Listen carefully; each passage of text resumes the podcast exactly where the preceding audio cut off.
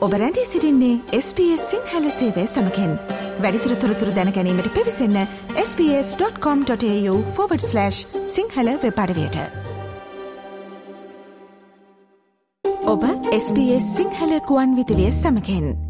Australian වාසින් මුහුණ දෙන විධාකාරය රෝගාබාධ පිළිබඳව අපි විටින් විට ස්පේස සිංහල ගුවන් ඉදිලියෙන් ඔබව දැනුවත් කරනවා ඉතිං දැනුත් අපි සූදානම් වන්නේ එවැනි වූ මාතෘකාවක් පිළිබඳව සාකච්ඡාවක් ඔබ වෙත කෙනෙනට විශේෂෙන්ම මේ ADHD කියන රෝගී තත්වය සම්බන්ධයෙන් මේ ADHD සහිත දරුවන්ම ඇති දැඩි කිරීම රැකබලා ගැනීම පිළිබඳව තමයි අපි දැන් සාකච්ඡා කරන්නට බලාපොරොත්තු වන්නේ. මේ සාකච්ඡාවට අපි කැඳවා ගත්තා මෙල්බන්ගොර සායනික මනෝචිකිත්සක හර්ෂණී අල්ගිරිය මහත්මිය. හර්ෂණය අයිබෝවන් කෙල පිළිගන්නවා ස්පේස සිංහල ගොන්න ඉදිලියට අයිබෝන් මදුර බොහම ස්තුතිමාව සම්බන්ධ කරගත්තට. හොඳයි හර්ෂණය මුලින්ම අපි සාකච්ඡා කරම මේ ADHT කියන්නේ මොනවගේ රෝගී තත්ත්වයක්ද සහ මෙහි රෝග ලක්ෂණ මොනවද කියලා ඕ මදුර අපි මුලින්ම මහිතන බලමු මොනාද මේ ADHD කියන අකුරු වලින් කියන්නේ කියලා. මේකෙන් කියන්නේ attention deficit hyperactivity disorder කියන එක. attention deficit කියලා කියන්නේ අවධානය මදිකම කියන එක. එතකොට hyperactivity කියලා කියන්නේ අධික්‍රියාකාරී කියන එක. දැනට ලෝකයේ ADHD කියන తত্ত্বය අපි දැන් ගොඩක් කතා කරන මේ ඇන්සයිටි සහ ડિප්‍රෙෂන් කියන තත්ත්වයන් දෙක වගේම වැඩිහිටියන් සහ දරුවන් අතර ඉතා සුලභ මානසික සෞඛ්‍ය තත්ත්වයක් බවට පත් වෙලා තියෙනවා. ඉතින් මේ තත්ත්වය ඇති වෙන්නේ අපේ මොලේ තියෙන නොයෙකුත් කිමිකල් ඉම්බැලන්ස් එකක් හෝ අපේ මොලේ තියෙන නියුරෝන වල ඇති වෙලා තියෙන වෙනස්කමක් නිසා වෙන්න පුළුවන් කියලා විශේෂඥවරු විසින් සොයාගෙන තියෙනවා. ADHD කියන තත්ත්වයේ කොටස් තුනක් තියෙනවා. පළවෙනි එක තමයි අවදාන ඌනතාවය කියන එක. දෙවෙනි එක තමයි අධික්‍රියාකාරී කියලා කියන තත්ත්වය. ඊළඟ தත්ත්වය තමයි මේ අවදාන උණතාවය සහ අධික්‍රියාකාරී කියන කොටස් දෙකම එකට එකතු වෙලා තියෙන්න පුළුවන් தත්ත්වය. ඉතින් දරුවන් කියන්නේ කොහොමදත් ක්‍රියාශීලී සහ අවදානම ගැන නොතකන බොහොම සුන්දර පිරිසක්නේ. මෙතෙන්දී අපිට දරුවන් අධි ක්‍රියාශීලීද නැත්නම් මේ සාමාන්‍ය තත්ත්වයක්ද කියලා දරුවන්ගේ අඳුන ගන්න සමහරක් විට අපහසු වෙන්න පුළුවන්. මේ අවස්ථාවේදී සාමාන්‍යයෙන් අපි බලන්නේ මේ සාමාන්‍ය කියලා අඳුනගෙන තියෙන තත්වයට වැඩිය දරුවා තුළ අධික ක්‍රියාකාරීත්වයක් ඒ කියන්නේ නිතරම අනතුරු වලට ලක් වෙනවා නම් තමන්ගේ අවධානය එක තැනක තියාගන්න අපහසුතාවයක් තියෙනවා නම් ගොඩක් කතා කරනවා නම් හෝ තමන්ගේ වාරේ එනකන් ඉන්න අපහසු වගේ ගති ලක්ෂණ තියෙනවා නම් එහෙමත් නැත්නම් අර මම කලින් කිව්වා වගේ අවදාන ඌනතාවය කියන මට්ටම. ඒ කියන්නේ සමහර දරුවෝ ඉන්න පුළුවන් තමන්ගේ නම කතා කරත් ඒකට අවධානය දෙන්න අපහසු මට්ටමක ඉන්න. එහෙම නැත්නම් කාලය කළමනාකරණය කරගන්න එක ඉතාම අපහසු තත්යකටපත් වෙනවා. මේ වගේ දේවල් දරුවා තුළින් නිරීක්ෂණය කරනවා නම් එහෙම නැත්නම් ඔබ එහෙම දෙයක් නිරීක්ෂණය කළොත් ඒ වගේ දරුවන්ගේ ක්‍රියාකාරීත්වයන් එක ස්ථානයකදී විතරක් නෙමෙයි ඒ කියන්නේ පාසලේ සහ ගෙදරදී හෝ තවත් තැනකදී ඒ වගේ අඩුම තරමින් ස්ථාන දෙකකදීවත් ඒ විදිහටම පවතිනවා නම් සහ මේ ක්‍රියාකාරීත්වයන් අඩුම තරමින් මාස 6කට වැඩි කාලයක් පවතිනවා නම් ඒ වගේම වයසත් එක්ක මේ ක්‍රියාකාරීත්වයන් එන්න එන්න වැඩි වෙනවා නම් මේ දරුවව මේ සම්බන්ධයෙන් විශේෂඥ වෛද්‍යවරයෙක් ළඟට ගෙනහිල්ලා උපදෙස් ලබා ගන්න එක සුදුසුයි. වෛද්‍යවරයා ඒ දරුවට අවශ්‍ය මට්ටමට අනුව ඖෂධ නියම කරන්න පුළුවන්. එහෙම නැත්නම් ප්‍රතිකාරාත්මක ක්‍රමවේදයන් වලට යොමු කරන්නත් පුළුවන්. එහෙම නැත්නම් මේ ක්‍රමවේදයන් දෙකම නියම කරන්නත් පුළුවන්. ඉතින් එතෙන්දී දා වෛද්‍යවරයාත් එක්ක කතා බහ කරලා ඒ අවශ්‍ය දේ අනුගමනය කරන එක වැදගත්. ඔව් දැන් ADHD සහිත දරුවන්ව රැකබලා ගැනීම සම්බන්ධයෙන් තමයි අපි මේ සාකච්ඡාවේ මූලික අවධානය යොමු කරන්නේ. හර්ෂණේ දැන් මේ වගේ දරුවන්ව රැකබලා ගැනීම සඳහා දෙමාපියන්ට අනුගමනය කරන්නට පුළුවන් මේ හොඳම පේරන්ටිං ස්ටයිල් එක මොකක්ද? ඔව් මధుර ගොඩක් වැදගත් ප්‍රශ්නයක්. අපි මෙතෙන්දී කතා කළ යුතුම කාරණයක් තමයි සාමාන්‍ය ක්‍රියාකාරී දරුවෙකුත් එක්ක වැඩ කරනවට වැඩිය ලොකු වැඩ කොටසක් දෙමව්පියන්ට කරන්න වෙනවා ADHD තියෙන දරුවෙක් එක්ක වැඩ කටයුතු කරද්දී. දරුවෙකු බලා ගන්නවා කියන එක දෙමව්පියන්ට කොහොමත් අභියෝගාත්මක කාරණයක් නේ. ඉතින් මෙතෙන්දී අපි තවත් අපේ අවධානය වැඩිපුර අවශ්‍ය කරන දරුවෙකු තමයි බලා ගන්න ඕන වෙලා තියෙන්නේ. අපි කියනවා මෙතෙන්දී දෙමාපියන්ට ගොඩාක් වෙලාවට සුපර් පේරන්ට් කෙනෙක් වෙන්න වෙනවා කියලා. දෙමාපියන්ට පුළුවන්කම තියෙන්න ඕනේ තමන්ගේ මනස පුළුවන් තරම් වර්තමානය තුළ රඳවා ගැනීමේ හැකියාව ඇති කරගන්න. සාමාන්‍ය මිනිසුන් විදිහට අපිට හිත වර්තමානය තුළ රඳවනවා කියන එක කොහොමටත් ටිකක් ලොකු අභියෝගයක්. ගොඩක් වෙලාවට අපි ජීවත් වෙන්නේ අතීතය තුළ එහෙම නැත්නම් අනාගතය තුළ. ඉතින් ADHD තියෙන දරුවෙකු සමග වැඩි කරද්දී අතීතය තුළ හෝ වර්තමානය තුළ ජීවත් වෙනව නම් අපිට ඒ දරුවත් එක්ක අවශ්‍ය සම්බන්ධතාවය ගොඩනගා ගන්න ඉතාම අපහසු වෙන්න පුළුවන්. මොකද ADHD තියෙන දරුවෙකු ජීවත් වෙන්නේ මේ මොහොත තුල. එයාට අවධානය දෙන්න පුළුවන් වපසරය ගොඩක් අඩුයි. එහෙමනම් අපිට ඒ වපසරය තුල ඉඳගෙන දරුවත් එක්ක ඉදිරියට යන්න වෙනවා. මෙතෙන්දී අපි ස්ටොප් කියන ටෙක්නික් එක ගොඩක් භාවිතා කරනවා. ඒ කියන්නේ නවතින්න, හිතන්න, බලන්න, ඉදිරියට යන්න කියන කරුණු හතර. තවදුරටත් මේක මම ඉංග්‍රීසියෙන් පැහැදිලි කරනවා නම් Uh, stop, think, observe and proceed කියන එක. මේ කරුණු හතර භාවිතා කරන එක හැම තැනකදීම වගේ මේක පාවිච්චි කරන එක ගොඩාක් ප්‍රයෝජනවත් වෙනවා. ADHD දරුවෙකු සමග වැඩ කටයුතු කරද්දී. අපි දැනගන්න ඕන තවත් දෙයක් තමයි ADHD තියෙන දරුවෙක් තුළ තියෙන්න පුළුවන් වෙනස් කළ නොහැකි සිම්ටම්ස් සහ වෙනස් කරගත හැකි සිම්ටම්ස්. ඉතින් අපි ඒව හරියට වර්ග කරගෙන ඒ අදාළ දරුවට අනුව ප්ලෑන් එක හදාගෙන වැඩ කරන එක ඉතාමත්ම වැදගත්. මොකද මෙතෙන්දී ඇත්තට මම කැමති මේ පේරන්ටිං සිස්ටම් එක කරුණු පහකට බෙදන්න. පළවෙනි කරුණ තමයි දෙමාපියන් කොයිතරම් තමන් ගැන බලා ගන්නවද කියන එක. දැන් අපි අපේ කල්චරලිම ගොඩක් පුරුදු වෙලා තියෙනවානේ. දරුවෝ ගැන වැඩිපුර බලන්න. ඒ කියන්නේ අපිට සමහර වෙලාවට පොඩි ගිල්ටි ෆීලිං එකක් තියෙනවා අපි වෙනුවෙන් යම්කිසි දෙයක් කරගන්නකොට. අපිට හිතෙනවා පුළුවන් ඒ වෙලාව, ඒ මුදල්, ඒ ශ්‍රමය, ඒ හැම දෙයක්ම මට දරුවා වෙනුවෙන් යමක් කරන්න යොදවන්න පුළුවන් නේද කියලා. හැබැයි වැදගත්ම දේ තමයි මතක තියාගන්න ඕනේ අපි අපිව ඉමෝෂනලි රෙගියුලේට් කරගන්නේ නැතුව දරුවව රෙගියුලේට් කරන්න උත්සාහ කරන එක අසාර්ථක ක්‍රියාවලියක්. ඒ කියන්නේ දෙමාපියන් ළඟ තියෙන්න ඕනේ මයින්ඩ්ෆුල්නස්ව වැඩ කිරීමේ හැකියාව. මයින්ඩ්ෆුල්නස් කියලා කියන්නේ අපි අපේ හිත එක තැනකට අරගෙන වර්තමානය තුළ ජීවත් වෙන්න පුළුවන්කම. මේ සඳහා නොයෙකුත් tools අපි ළඟ තියෙන්න ඕනේ. උදාහරණ කීපයක් තමයි නොයෙකුත් ආකාරයේ breathing techniques තියෙනවා නැත්නම් sensory techniques තියෙනවා එහෙම නැත්නම් soothing techniques තියෙනවා මේවා අපිට උදව් කරගන්න පුළුවන් විදිහට අපේ mindful capacity එක වැඩි කරගන්න ඕනේ. අපි mindfulද කියන එක තේරුම් ගන්න අපිට හැම අවස්ථාවකදීම ක්‍රියා කරන්න පුළුවන්. උදාහරණයක් විදිහට දරුවත් එක්ක වැඩ කරනකොට අපේ අවධානය කොතනද තියෙන්නේ කියන එක ගැන ඔබ්සර්ව් කරන්න පුළුවන්. ඒ කියන්නේ ඒ මොහොතේදී මගේ සිතුවිලි වැඩ කරන්නේ කොහොමද? මගේ සිරුර වැඩ කරන්නේ කොහොමද? මගේ රියැක්ෂන්ස් මොනවද?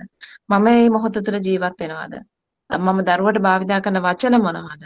මම ඉන්නේ තරහා ගිහිල්ලාද දුකෙන්ද සතුටෙන්ද මේ කියන හැම දෙයක්ම තුලින් self awareness එක දෙමාපියන්ගේ වැඩි කරගන්න පුළුවන්.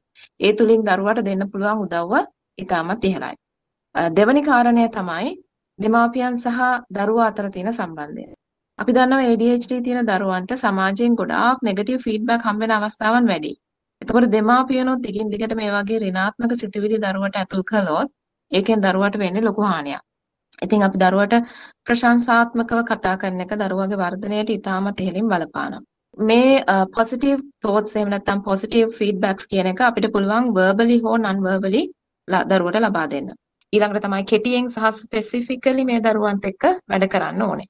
ඒ වගේම දරුවව පළවෙනි තත්පර පහ ඇතුළතම ප්‍රශංසාවට ලක් කරන එක සහ මේ කරුණු නිරන්තරයෙන්ම පිළිපදමින් කන්සිස්ටන්ට්ලි කරගෙන යන එක හරි වැදගත්. ඒ වගේම තමයි අපිට ඉගෙන ගන්න වෙනවා අර මං කලින් කිව්වනේ වෙනස් කරන්න බැරි සිම්ප්ටම්ස් තියෙන්න පුළුවන් කියලා. එන්නේ වගේ වෙලාවට ඒව කොහොමද අපි අතාරින්නේ නැත්නම් let go කරන්නේ කියන එක.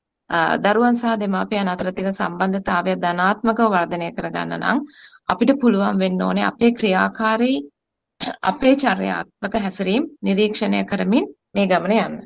එක උදාහරණයක් විදිහට මම කිව්වොත් දැන් අපි හිතමු අපි උදේ නැගිට්ටම මම කොහොමද දරුවත් එක්ක කතා කරේ? රෑ නිදා ගන්න යද්දි මම කොහොමද දරුවත් එක්ක කතා කරේ? දරුවා ටිකක් දඟ වෙලා ඉන්න වෙලාවක මම කියන දේ අහුම්කන් නොදුන්න වෙලාවක මගේ හැසිරීම කොයි වගේද? මේ වගේ දේවල් ගැන අපි හොඳට පැහැදිලි අදහසක් තමන්ට ඇති කරගන්න පුළුවන් නම් දෙමාපියන්ට ගොඩාක් පහසුයි ඒ දරුවන් එක්ක සම්බන්ධතාවය වැඩි කරගන්න. ඊළඟට අපි වැදගත්ම දෙයක් තමයි දැනගන්න ඕනේ දරුවා වෙනුවෙන් quality time එකක් කොහොමද වෙන් කරගන්න කියන එක.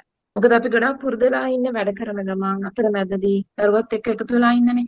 නමුත් අපි ADHD තියෙන දරුවෙක් එක්ක වැඩ කරද්දී ඉතාමත් අවධානය, ඒ කියන්නේ හැම දරුවෙක් එක්ක මේක කරන්න අවශ්‍යයි. නමුත් ADHD තියෙන දරුවන්ට මේක වැඩිපුර අවශ්‍යයි. එයා වෙනුවෙන් වෙන් කරපු කාලයක් තියාගන්න එක. දරුවන්ට තමන්ගේ ඉමෝෂන්ස් තිබුණාට කමක් නැහැ කියලා තේරුම් ගන්න පුළුවන් වෙන ආකාරයේ safe environment එකක්. එහෙම නැත්නම් ආරක්ෂාකාරී වටපිටාවක් අපි හදන්න ඕනේ. මොකද ADHD දරුවන් තුළ ගොඩක් ඉමෝෂන්ස් තියෙනවා. ඒගොල්ලන් එක්ස්ප්‍රෙස් කරනවා ඒක තේරුමක් ඒගොල්ලන්ට ගොඩක් හැඟීම් ප්‍රකාශ කිරීමට අවශ්‍ය තියෙන අවශ්‍යතාවය වැඩි. එතකොට අර ඒ හැඟීම් තව කෙනෙක්ට හානියක් නොවන ප්‍රකාශ කරන්නේ කොහොමද? සහ ඒ ප්‍රකාශ කිරීම අතුල ගැටලුවක් නැහැ කියන එකට අපි දරුවව හිමිසරේ පුදු කරවන්න ඕනේ. හැබැයි මේ කිසිම දෙයක් එකම රැයකින් හෝ ඉතා ඉක්මනින් වෙනස් වෙන්නේ නැහැ. ඉතින් දෙමාපියන්ට පුළුවන් වෙන්න ඕනේ දරුවාගේ වේගය හඳුනාගෙන ඒ වේගයත් එක්ක මේ ගමන යන්න. ඊළඟ කාරණය තමයි දරුවාට සපෝටිව් සහ ස්ට්‍රක්චර්ඩ් එන්වයරන්මන්ට් එකක් හදාගන්න උදව් කරන එක. එයාලට අදාළ රුටීන්ස් අනුගමනය කරන්න ඕන පුරුදු කොහොමද කාලය කාලය කළමනාකර ගන්න කරගන්න කොහොමද මේ වගේ දේවල් මේකට අදාළ වෙනවා. මේ සඳහා දෙමාපියන්ට පුළුවන් පුහුණුවලත් පුද්ගලයෙකු සමග එකතු වෙලා behavior management plans හදාගන්න. ඊළඟට මේ දරුවන්ට ගොඩාක් මේ behavior management plans අපි වැඩ කරද්දී ඒවා visual cues විදියට ඒ කියන්නේ ඒගොල්ලන්ට ඇහැට පේන මාධ්‍යකින් අපි ප්‍රදර්ශනය කරන්න පුළුවන් නම් ඩිස්ප්ලේ කරන්න පුළුවන් නම් දරුවට ඒක ගොඩාක් උපකාරී වෙනවා. අපි ඉතින් මේ රුටීන්ස් හදද්දී මේ ළමයාව වෙනස් කිරීමේ පරමාර්ථයම නෙමෙයි දරුවට අවශ්‍ය කරන තමන්ගේ පාලනය තමන්ට අරගෙන දෙන්න පුළුවන් මට්ටමකට පත් කරගන්නේ කොහොමද කියන එක තමයි අපේ ගෝල් එක වෙන්න ඕනේ. ඊළඟට දරුවගේ වටපිටාව බාධාවල් අවම වෙන විදිහට සහ අපි හිතමු වෙනම පාඩම් කරන තැනක් කාමරය ඇතුලේ රූපවාහිනී යන්ත්‍ර නැති පරගණක යන්ත්‍ර නැති තමන්ගේ බඩමුට්ටු හරියට ලේබල් කරලා තියෙන කලර් කෝඩ් කරලා තියෙන මේ වගේ දේවල් ළමයාගේ අවධානය වෙනත් තැන් වලට යන්න තියෙන අවස්ථාව අවම කරගන්න උදව් වෙනවා. ඊළඟ කාරණය තමයි දෙමාපියන්ගේ හැසිරීම කියන එක. ඉතින් දෙමාපියන්ට පුළුවන් වෙන්න ඕනේ මේ දරුවන්ට දැකලා ඉගෙන ගන්න පුළුවන් පිරිසක් බවට පත් වෙන්න. ඒ කියන්නේ අපි යම් කිසි විදිහක නීති රීතියක් හදලා තියෙනවා නම් ඒකට අපි කොයිතරම් අනුගත වෙලා වැඩ කරනවද කියන එක. සහ හදලා තියෙන නීති රීති ඇත්තටම පිළිපදින්න පුළුවන් රියලිස්ටික් දේවල්ද කියන එක. ඒ වගේම අපි හරි වැරද්ද දැක්කහම ඒ හරි දෙයින් හරි ප්‍රතිඵල සහ වැරද්දෙන් වැරදි ප්‍රතිඵල එන බව දරුවට තේරුම් බේරුම් කරලා දෙන්න පුළුවන් හැකියාව. ඉතින් ඔය ඔක්කොමත් එක්ක අපේ පොසිටිව් ටෝන් එක අපි ළඟ තියෙන පොසිටිවිටි එක ගොඩාක් වැදගත් දරුවගේ මානසික ඒකාග්‍රතාවය පවත්වාගෙන යාමට උදව් කරන්න. එතෙන්දී යම්කිසි අවස්ථාවක මේක ගොඩක් වැදගත් කාරණයක් දෙමාපියන්ට තේරෙනවා නම් තමන්ව පාලනය කරගන්න තමන්ට අමාරුයි කියලා. එහෙම වෙන්න පුළුවන්. මොකද අපි ජීවත් වෙන්නේ බොහොම complicated environment එකක. ගොඩාක් අපේ expectations වැඩි මිනිස්සුන්ගෙන් අපිට තියෙන. එතකොට ඒ වගේ අවස්ථාවක මේ වගේ අපි challenging behaviors වලට face කරනකොට අපිට තමන්ව පාලනය කරගන්න අමාරු වෙන්න පුළුවන්. ඉතින් එහෙම වුණොත් ඒ අවස්ථාවෙන් අයින් වෙන්නේ කොහොමද? එතෙන්දි වෙන වැඩිහිටියෙක්ගෙන් උදව් ගන්න කොහොමද? දරුවට වෙන වැඩිහිටියෙක් එක්ක වැඩ කරන්න මේ මොහොතේ අවස්ථාව සලසලා දෙන්නේ කොහොමද? එහෙම නැත්නම් අපිට අපේ මානසික ආතතිය අඳුනගෙන ඒකට අවශ්‍ය මයින්ඩ්ෆුල් ටූල් එකක්. ඒ කියන්නේ අපි හිතමු බ්‍රීතිං ටෙක්නික් එකක් හරි අපිට අපේ හිත නැවතත් යථා තත්ත්වයට අරගන්න, calm down කරගන්න, relax කරගන්න ඒ tools පාවිච්චි කරලා නැවතත් දැන් මේ මොහොත කියන තත්ත්වයටපත් වෙලා දරුවා ළඟට එන්නේ කොහොමද කියන එක අපි ඉගෙනගෙන තියෙන්න ඕනේ. ඊළඟ කරුණ තමයි සහ අවසාන කරුණ තමයි දරුවාගේ හැසිරීම කියන එක. ඉතින් ADHD තියෙන දරුවෙකුට තමන්ව උනන්දු කරගෙන අලුත් වැඩකට යෙදෙනවා කියන එක හෝ එක දෙකට එක වැඩක් කරගෙන යනවා කියන එක තෝරලා බේරලා වැඩ කරනවා කියන එක මේවා ඉතින් ඊටාම අපහසු දේවල්. එහෙමනම් අපිට සිද්ධ වෙනවා කොහොමද ඒ දරුවාගේ මේ වර්ධනය තුල තියෙන missing pieces ටික හදලා දෙන්න උදව් කරන්න කියන එක. ඉතින් අපි කලින් කතා කර විදියට කලින් කතා කරපු හැම කරුණක්ම මේකෙදි වැදගත් වෙනවා. අමතරව කියන්න ඕන කරුණ තමයි මට අපිට පුළුවන් වෙන්න ඕනේ මේ දරුවට තමන්ගේ නර්ව් සිස්ටම් එක රිලැක්ස් කරගන්නේ නැත්නම් කාම් ඩවුන් කරගන්නේ කොහොමද කියලා තේරුම් කළ දෙන එක. මේකෙදි අපිට දරුවට ඕන කරන මයින්ඩ්ෆුල් ටූල්ස් දෙමාපියන්ට විතරක් නෙමෙයි දරුවටත් අවශ්‍යයි. එහෙමනම් ඒ මයින්ඩ්ෆුල් ටූල්ස් පාවිච්චි කරන්නේ කොහොමද? ඒවා මොනවද? ඒවයින් එයාගේ නර්ව් සිස්ටම් එක රෙගියුලේට් කරගන්නේ කොහොමද කියන දේවල් සම්බන්ධව දරුවාට දැනුම දෙන්න අවශ්‍යයි. ඉතින් මෙතෙන්දී දෙමාපියන්ට ඒ දැනුම දෙන්න අමාරු නම් ඒ දෙමාපියන්ට ඒක කරන්න අවශ්‍ය කරන දැනුම මදි නම් දෙමාපියන්ට පුළුවන් ඒ සඳහා ප්‍රතිකාරාත්මක ක්‍රමවේද වලට දරුවව යොමු කරන්න. එතෙන්දී සයිකෝതെරපි වලට එහෙම නැත්නම් වෙනත් behavior management tools වලට දරුවව යොමු කරන්න පුළුවන්. ඉතින් දෙමාපියන්ට තමන්ගේ ආතතිය අවම කරගන්න ඕන නම් අනිවාර්යයෙන්ම ප්‍රතිකාරාත්මක ක්‍රමවේදවලට යොමු කරන්න පුළුවන්. හොඳයි අපි කතාබහ කරමින් පසු ඒ මේ ADHD දරුවන්ව රැකබලා ගැනීම සඳහා හොඳම පේරන්ටන් ස්ටයිල් එක මොකක්ද නැත්තං ADHD සහිත දරුවන්ව රැකබලාගන්නේ මොනාකාරයෙන්ද කියන කාරණා සම්බන්ධයෙන් මේ සාකච්ඡාවට අපි සම්බන්ධ කරගත්තා මෙල්බනුවර සායනික මනෝචිකිත්සක හර්ෂණී ඇල්ගිරිය මහත්මයව. හර්ෂණි බොහොමත්ම ස්තුතියවන්ත වෙන ඔබේ වටිනා උපදෙස් සහ ඒ අදාළ කාරණා සම්බන්ධයෙන් සුබ දවසක් ප්‍රාර්ථනා කරනවා. ඔබටත් සුබ දවසක් මදන බොහොම ස්තුතියි මාව සම්බන්ධ කරගත්තට. SBS SBS SBS SBS SBS SBS Radio. ලයි කරන්න ෂයා කරන්න අදහස් ප්‍රකාශ කරන්න SBS සිංහල ෆස්බුක් පිටුව ෆලෝ කරන්න.